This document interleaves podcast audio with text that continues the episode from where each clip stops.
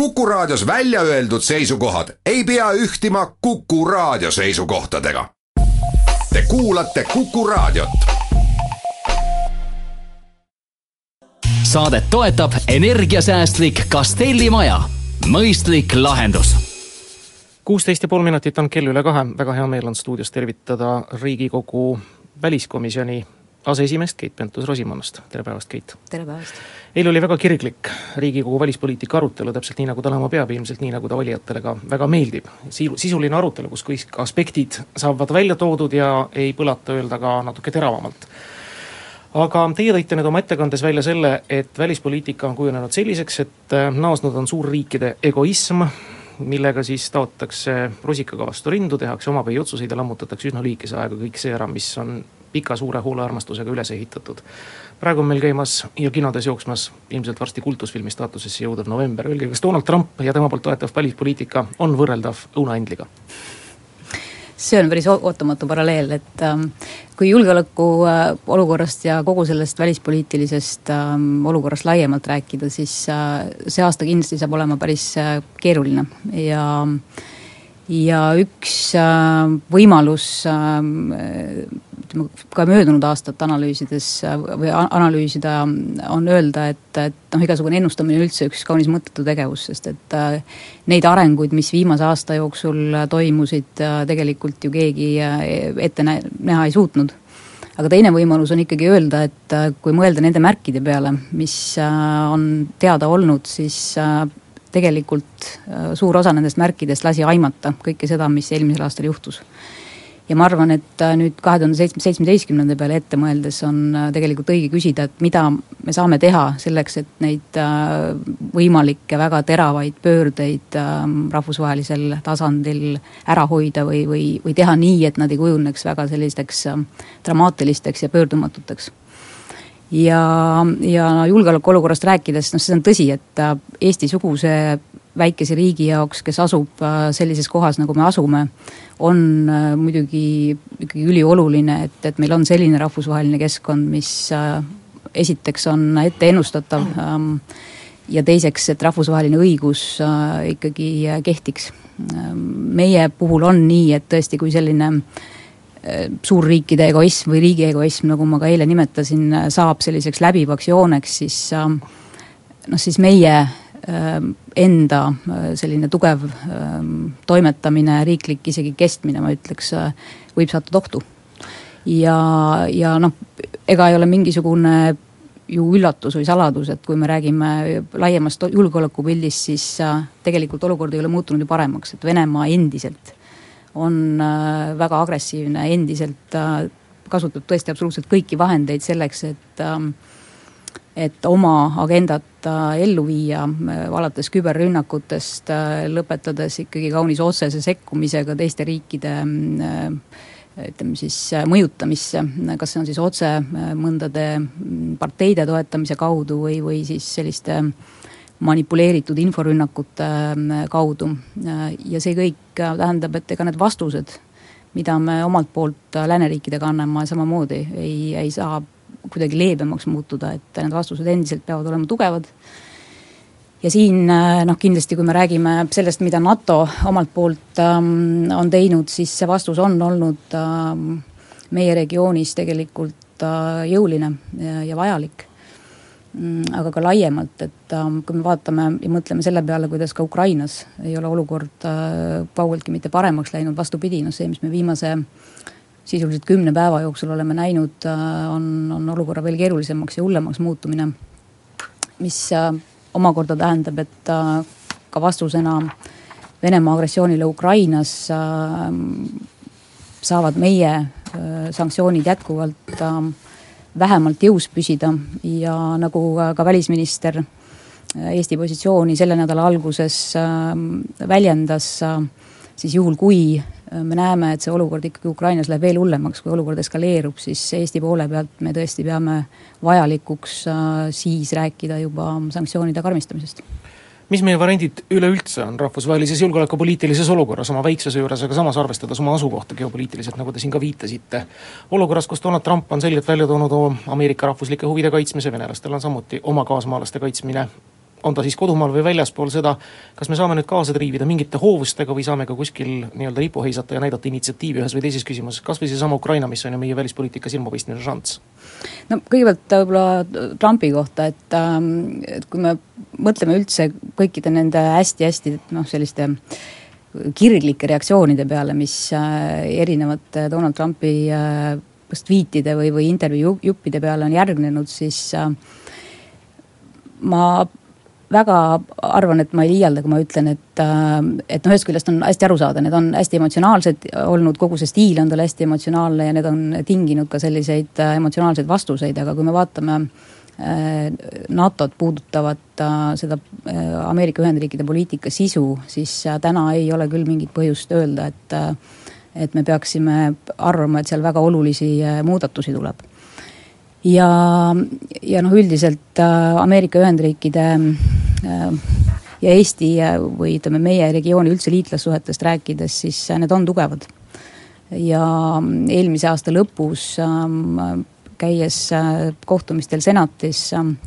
siis võib öelda, et see tugi, mida me sealtpoolt saame ja see arusaamine, see taju, mis puudutab meie julgeolekuolukorda siin, on senatis väga-väga mm, tugev ja, ja toetus Eestile seal kindlasti äh, Äh, püsib. Äh, mida me saame ära teha, mis puudutab Ukrainat, siis ähm, jällegi, et ma võib-olla siis tõmbaksin selle kaheks, et üks asi on see, mis puudutab ähm, äh, meie otsest tuge Ukrainale ja seal Ukraina on nende riikide hulgas, kellele me oleme suunanud ka kahepoolselt väga suure toe. me käime seal nõustamas sisulise poole pealt, aga anname ka otse äh, rahalist abi ka selle nädala alguses. Äh, Eesti otsustas äh, humanitaarabi korras Ukrainat pisut üle neljasaja tuhande euroga toetada, mis ma arvan, et oli väga mõistlik ja vajalik initsiatiiv, me oleme kutsunud ka teisi Euroopa Liidu riike seda tegema. ja teine pool puudutab muidugi Euroopa Liidu kui terviku sellist reaktsiooni Venemaa agressioonile, et seal Eesti on üks äh, nendest, kes äh, esiteks on rõhutanud jällegi sellesama toetamise, otsese toetamise vajadust, aga kindlasti on hästi oluline selles küsimuses Euroopa Liidu sellise ühtse äh, seisukoha hoidmine ja, ja, ja püsimine. Ja hoolimata sellest, et iga kord, kui Venemaa agressiooni teema arutelu alla tuleb Euroopa Liidus, siis tavaliselt enne äh, Äh, käib selline suur spekulatsioonide laine, et äh, sel korral või mine tea, kas Euroopa Liit püsib äh, ühtsena, kas jätkuvalt toetatakse näiteks sanktsioonide kehti-, kehtima, kehtimist, siis tegelikult, kui see arutelu käes on, nagu ka sel esmaspäeval näha oli, siis see positsioon on püsinud ühtsena. ma arvan, et see on hästi oluline ja, ja see on kindlasti asi, mida me noh, omalt poolt igal juhul, mille nimel me pingutada saame ja pingutame alates eelmise aasta novembrist, novembri lõpust olete te opositsioonierakond. samas välisministri amet püsis neliteist aastat enne Sven Mikserisse ametisse asumist ju teie erakonna käes ja portfell teie käes ja kaasa arvatud ka teie enda käes kaheksa kuud. Öelge, kas Sven Mikser talitab praegu välisministri ametis õigesti ja kas valitsus ajab praegu õiget välispoliitikat? Valitsuse välispoliitika ja Välisministeeriumi aetav välispoliitika on, on ju tegelikult üks ühtne Eesti välispoliitika. Ja kui me räägime ükskõik, kas või sellest samast Ukrainast, räägime Eesti positsioonidest äh, Venemaa aadressil, siis selles osas on valitsenud ja valitseb ka praegu ikkagi konsensus. Et see on valdkond, kus me parlamendi poole pealt kindlasti hoiame nii-öelda pilku peal ka opositsiooni poole peal, aga äh, ei ole äh, põhjust praegu Välisministeeriumile ja välisministrile kindlasti selles osas äh, etteheiteid teha. kui me räägime eilsest arutelust, te viitasite ka sellele, et see arutelu kujunes võib-olla mõnes küsimuses kaunis kir-, kirglikuks. ja päris isiklikuks, ma vaatan siin Jürgen Ligi sõnavõttu ei, ma ei ütleks, et ta isiklikuks kuju-, kujunes, aga, aga välispoliitika arutelu ajal oli ähm, oli eraldi teema all siis üks äh, peaministrite poolt äh, tehtud, äh, Balti peaministrite poolt tehtud ühisavaldus, kus ähm, on olnud parlamendil etteheiteid selles osas, et Süüriat puudutav lõik oleks võinud olla Venemaa aadressil konkreetsem ja see oli siis tõesti teema, mis kirgi üles küttis. ma loodan ausalt öeldes, et see teema saab selles mõttes klaariks ja maha võetud, et peaministri büroo Stenbocki maja,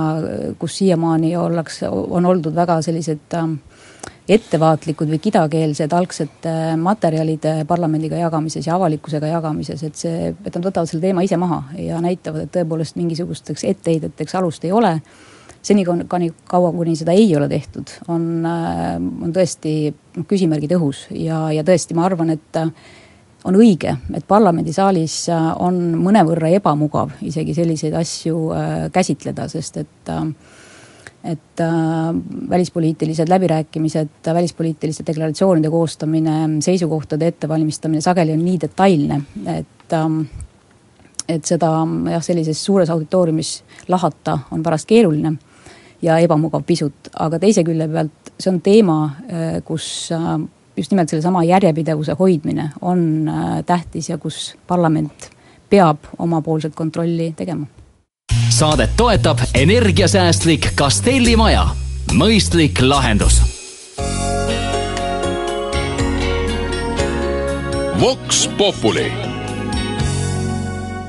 kolmkümmend kolm ja pool minutit on kell kaks läbi, pikema Vox Populi aeg on käes, on reede ja külaliseks on täna endine välisminister, Riigikogu väliskomisjoni aseesimees Keit Pentus-Rosimannus, telefonil kuus, kaks, üks, neli, kuus, neli, kuus on oodatud kuulajate kõned ja küsimused. esimene helistaja on liinil, tervist. tere päevast, kuulame teid. hallo. jaa, kuuleme teid ah,. tere päevast, jah tahtsin küsida mm, äh, siis sellist küsimust, et Eestis on olemas välispoliitilised äh, spetsialistid. ei hakka nimesid üles nimetama, aga Luik ja Liik ja, ja et kes on nagu kõige suurem välispoliitiline spetsialist, kes võiks olla Eestis välisminister Keit Pentuse arvates ja teine küsimus, et kus asub millises äh, nii-öelda kolmnurgas asub siis praeguse poliitilise situatsiooni peaprobleem, et kas see on Ameerika-Venemaa suhted, kas see on äh, Süüria konflikt või see on äh, siis Iisraeli konflikt kõikide teiste Araabia riikidega, mis seal ümberringi asuvad? aitäh küsimuse eest! aitäh, kõigepealt küsimuse esimesest otsast alustades ähm, Eesti äh, on äh, selline riik, kus valitsusi moodustatakse selle järgi, äh, mis on valimistulemus ja kellel õnnestub kokkulepe sõlmida sellisel kujul, et parlamendis on siis vähemalt viiskümmend üks toetushäält ja, ja selle kokkuleppe alusel ja läbirääkimiste tulemusel otsustatakse ka välisministri positsioon.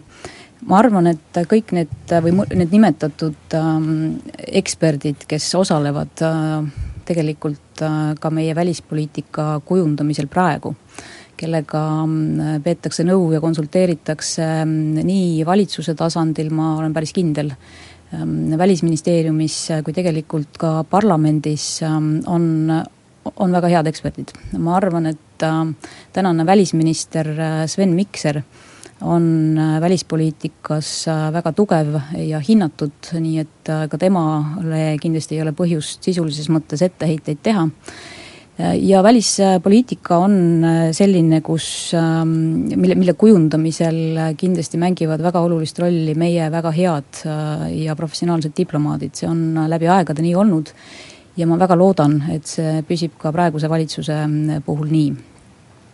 nüüd edasi minnes küsimuse, küsimuse teine pool, et äh, milline on hetkel mm, kõige olulisem äh, Äh, ütleme siis välispoliitiline teemapüstitus või teema üldse, ma arvan, et kõik need kolm, mida äh, küsija nimetas, on kindlasti olulised, aga ma tuleksin praegu tegelikult hoopis ühe mm, teema juurde, mis eile välispoliitika arutelul sai päris palju tähelepanu ja mis, mis kindlasti sel aastal saab olema ka Eesti jaoks ähm, väga oluline, see puudutab arenguid Euroopa Liidus. et ähm, me pühendame väga palju energiat ähm, reaktsioonidele, ütleme siis Ameerika Ühendriikide presidendivalimise reaktsioonidele, see on saanud väga palju tähelepanu ja saab kindlasti ka edasi tähelepanu. Aga mm, ma tõesti arvan, et vähemalt sama sellised, ütleme sama palju kirge võiks ja peaks olema arengutel Euroopa Liidus, et ühest küljest puudutab see kindlasti kõiki neid sel aastal ees ootavaid valimisi, mille tulemusi noh, meil kuidagi selles mõttes mõjutada võimalik ei ole, et seal Eesti roll ja teiste riikide roll on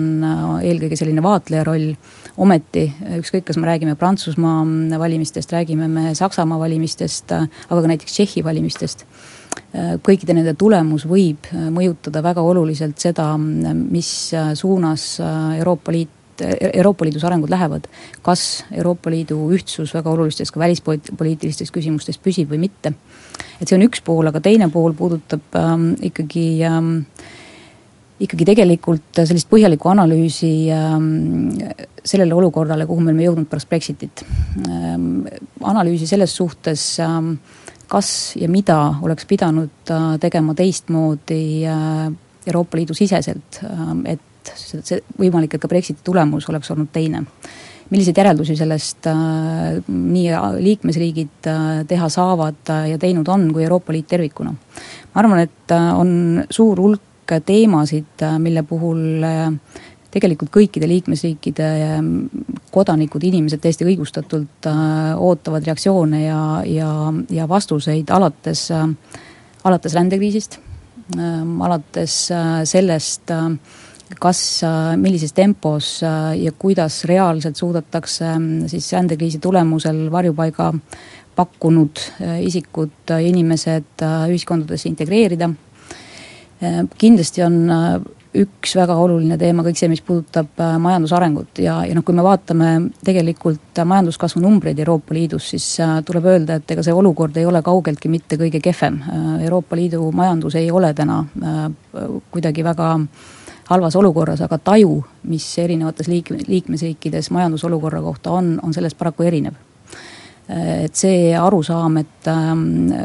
finantskriis on, on selja taha jäetud ja majandus on tugevatel alustel, seda ikkagi väga paljudes äh, kohtades ei ole ja see kindlasti on teema, millega Euroopa Liidus tegeleda tuleb. läbivalt lisaks nendele teemadele äh, on küsimus äh, Euroopa Liidu juhtimise ütleme siis nagu arusaadavamaks muutmises. Äh, jällegi, et äh, taju sellest, et Euroopa Liit on üks kaunis bürokraatlik äh, moodustis. See on asi, mis võib hakata mõjutama väga otseselt ka valimistulemusi nendes samades riikides, millest ma enne juttu rääkisin, enne rääkisin. see oli põhjalik vastus, järgmine helistaja, tervist. tere kas Riigikogu väliskomisjonis võiks kõne alla tulla arutlus nii Ukraina, Georgia kui ka Eesti territoriaalse terviklikkuse rikkumisest ja sel teemal nende riikidega ühisavalduse algatamisest. küsin seda seoses sellega, et Sven Mikser täna Georgia välispoliitikuga kohtudes käsitles Georgia territoriaalse terviklikkuse rikkumist ja teisel veebruaril lehvisid kõrvuti nii Setomaa kui ka Georgia Ukraina lipud Vanemuise tänaval Tartu rahuhoone juures ja stendil olid vastavad tekstid, aitüma. Äh, aitäh, stendil olevate tekstide kohta ma nüüd äh, jäi natuke segaseks, mida siin täpselt võib-olla mõeldi, aga aga mis puudutab äh, Gruusia ja Georgia ja Ukraina olukorda, siis see on teema, millega meie väliskomisjon tegeleb tegelikult pidevalt. Ja, ja kui ma äh, sissejuhatuses või eelnevalt rääkisin ähm, Venemaa agressiivsest käitumisest ja sellest, et, äh, et siin ei ole tegelikult asjad paremuse poole kaugeltki mitte läinud, siis, äh, siis tõesti üks põhjus sellest on, äh, on see, et jätkuvalt on osa siis Gruusiast ähm,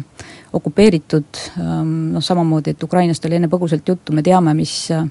olukord Ida-Ukrainas valitseb ja teame ka seda, et et agressioon seal ei ole mitte, mitte lõppemas, hoolimata sellest, et Minskis on sõlmitud leping ja on võetud kohustus siis Ukrainal, Ukrainale anda, Ukrainal võimaldada uuesti kontroll nii oma piiride kui territooriumi üle, seda Venemaa poolelt ei täideta. Nii et see on igal juhul teema, mida me hoiame fookuses, hoiame üleval nii Eesti-siseselt kui, kui rahvusvaheliselt, loomulikult Euroopa Liit on oma positsiooni siin väga selgelt välja öeldud ja siin ei ole mitte tegu ainult siis Euroopa positsiooniga, vaid vaid ka transatlantiliselt samasuguse hoiaku ja seisukohtadega. nüüd mis puudutab paralleeli Eestiga, siis äh, seda siin kindlasti äh, tõmmata ei saa ega tohi. Ukrainas käib sisuliselt sõda ja, ja Ukrainas on äh, Venemaa siis territoriaalset terviklikkust rikkunud. Eesti on NATO riik, Euroopa Liidu riik ja hoolimata sellest, et me väga adekvaatselt teame ja tajume neid ohte, mis meid ka äh, Äh, agressiivse idanaabri poolt ähm, ähvardavad, siis kindlasti on Eesti olukord äh, teine, et äh, eile oli juttu ka välispoliitika arutelul sellest, kas me Eestis peaksime olema kuidagi pidevalt hirmul, et selleks meil kindlasti põhjust ei ole, et me oleme suutnud ähm, kiiresti reageerida, adekvaatselt reageerida ja ja kui me vaatame ka liitlaste NATO kohalolu meie regioonis, siis see kindlasti on täna äh, ja praegu palju tugevam, kui ta oli veel mõnda aega tagasi, nii et ähm, et seda paralleeli, selle paralleeli tõmbamisest ma äh, soovitaksin hoiduda. Vox Populi nelikümmend kuus ja pool minutit on kell üle kahe, meie pikem Vox Popul on jätkumas, me räägime täna välispoliitikast, mis me nagu kuulsime, on ikkagi konsensuslik nii parlamendi kui valitsuse ühiskoostöös ja me ajame ühte asja. aga teie küsimused on oodatud numbril kuus, kaks, üks, neli, kuus, neli, kuus, stuudios on Keit Pentus-Rosimannus, tervist. tervist. selline küsimus. keerake raadio natuke vaiksemaks, palun. selline küsimus, et äh, ajalooline kahe tuhande kuueteistkümnes aasta välispoliitikas, et äh, kas äh, sellest on ka Reformierakonnal midagi õpetlikku? Äh, või on sealt midagi õppetundi võtta või siis välispoliitika on välispoliitika ja sisepoliitika on sisepoliitika, aitäh. kahe tuhande kuueteistkümnes aasta välispoliitiliselt kindlasti on andnud sellist mõttematerjali, ma arvan, et kõikidele poliitilistele jõududele, sõltumata isegi sellest, kas tegu on Eestis tegutsevate poliitiliste jõududega või ähm, või mõnes teises Euroopa Liidu äh, riigis ähm, tegutsevate poliitiliste jõududega ja ja ma arvan nii, et äh, kui me analüüsime seda, mis toimus, äh, jällegi isegi mitte ainult võib-olla Euroopas, aga, aga ka laiemalt, vaatame ka näiteks Ameerika Ühendriikide presidendivalimisi siis ähm, siis põhjust äh, mõelda äh, selle üle, et ähm, miks on nii, et ähm, et sellised noh, see kõlab võib-olla pisut nagu jällegi nagu ebameeldivalt, kui ma, kui nimetatakse peavoolupoliitikuteks, aga miks on nii, et et peavoolupoliitikud äh, oma selliste äh, seisukohtade, ideede, poliitika sisu äh, selgitamisega on, on pisut jänni jäänud. ja ma arvan, et siin on äh, selliseks äh, rahulikuks äh, läbimõtlemiseks alust ja põhjust küll. ja ma arvan, et on väga põhjust ka mõelda sellele, et et need arengud, mis Euroopa Liidus toimusid, kui me räägime räägime siis Suurbritannias toimunud hääletusest, et ka nendel on, on ilmselt äh, sügavamad äh, põhjused äh, selles, et midagi on jäetud tegemata või on tehtud pisut valesti nendesamade niinimetatud peavoolupoliitikute poolt. et see on olnud laiemalt rahva ja inimeste reaktsioon sellele, et ju siis on mingitele kas siis küsimustele, teematõstatustele või ma ei tea, kes tahab seda hirmudeks nimetada, mingitele hirmudele vastused saamata jäänud. ja, ja noh, ütleme üks viis ähm, ja, ja nagu positiivse poole pealt lootus on kindlasti see, et need järeldused saavad olema sellised, et selliseid just nagu šokilaadseid ähm, reaktsioone ja üleelamisi enam äh, palju ette ei tule. aga eks ähm, tõsi on ka see, et kui sellest ähm, ei suudeta teha äh, selliseid mõistlikke ja õigeid järeldusi, siis, siis võib-olla tuleb meil sarnaseid arenguid vastu võtta ka, ka eeloleval aastal, aga, aga ma tõesti arvan, et Äh, oleks absoluutselt ülemäära upsakas öelda, et meil ei ole põhjust ähm, neid järeldusi teha ja seda analüüsi ette võtta, ükskõik kas Eesti jaoks või, või siis laiemalt Euroopas. Järgmine helistaja ootab oma võimalust, tervist. Äh, tere, Kuku raadio. no mul on meeldiv kuulda, äh, et riigikogu liige, mis sellest, et praegu opositsioonis olev, olev ja kunagine välisminister on kõigi nende viimaste sündmuste tõttu pisut targemaks, kui ta siis oli, kui ta oli veel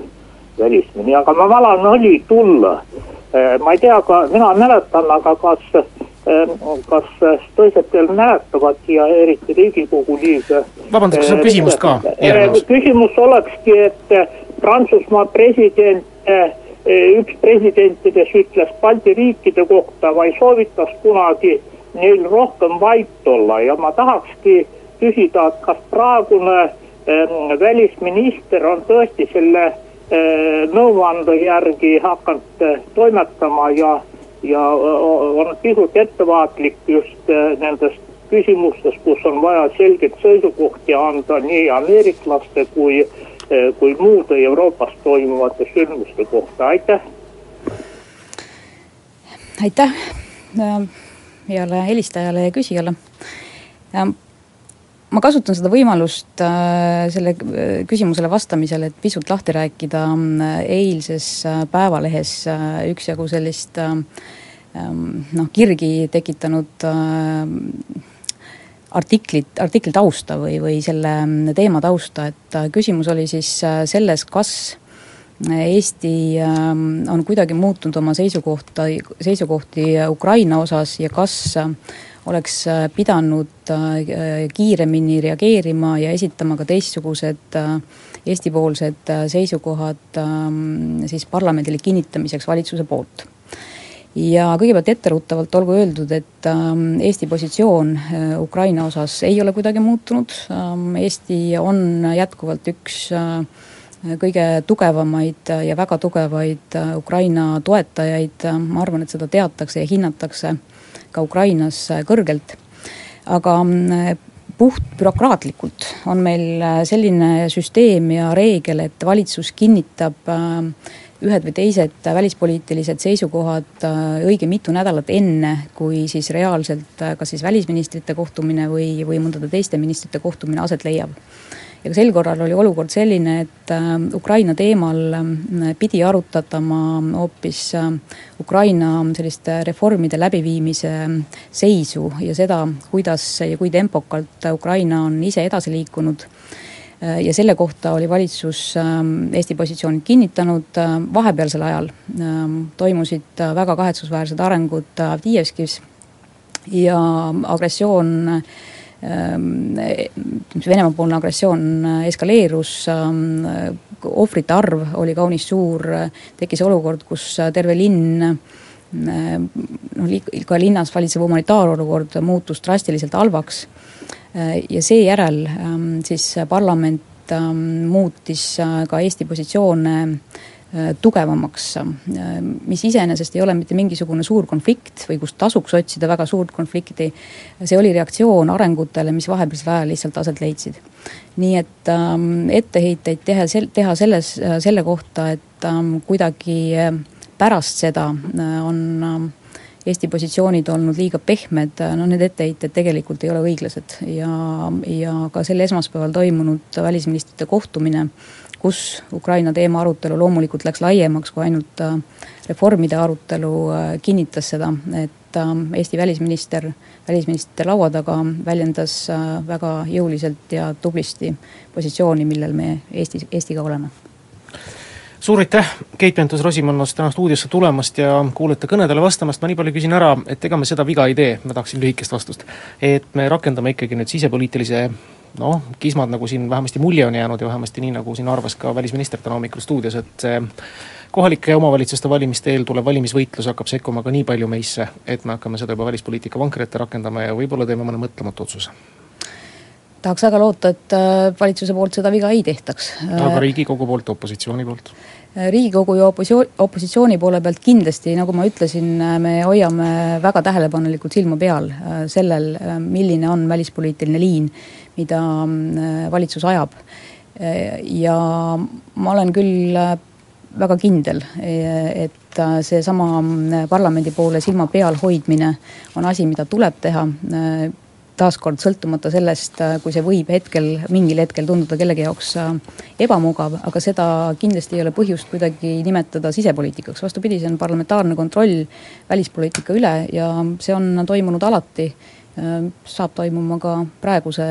parlamendi koosseisu, praeguse valitsuse koosseisu ja opositsiooni koosseisu ajal. aitäh teile, Keit Pentus-Rosimannus ja uute kohtumisteni! aitäh!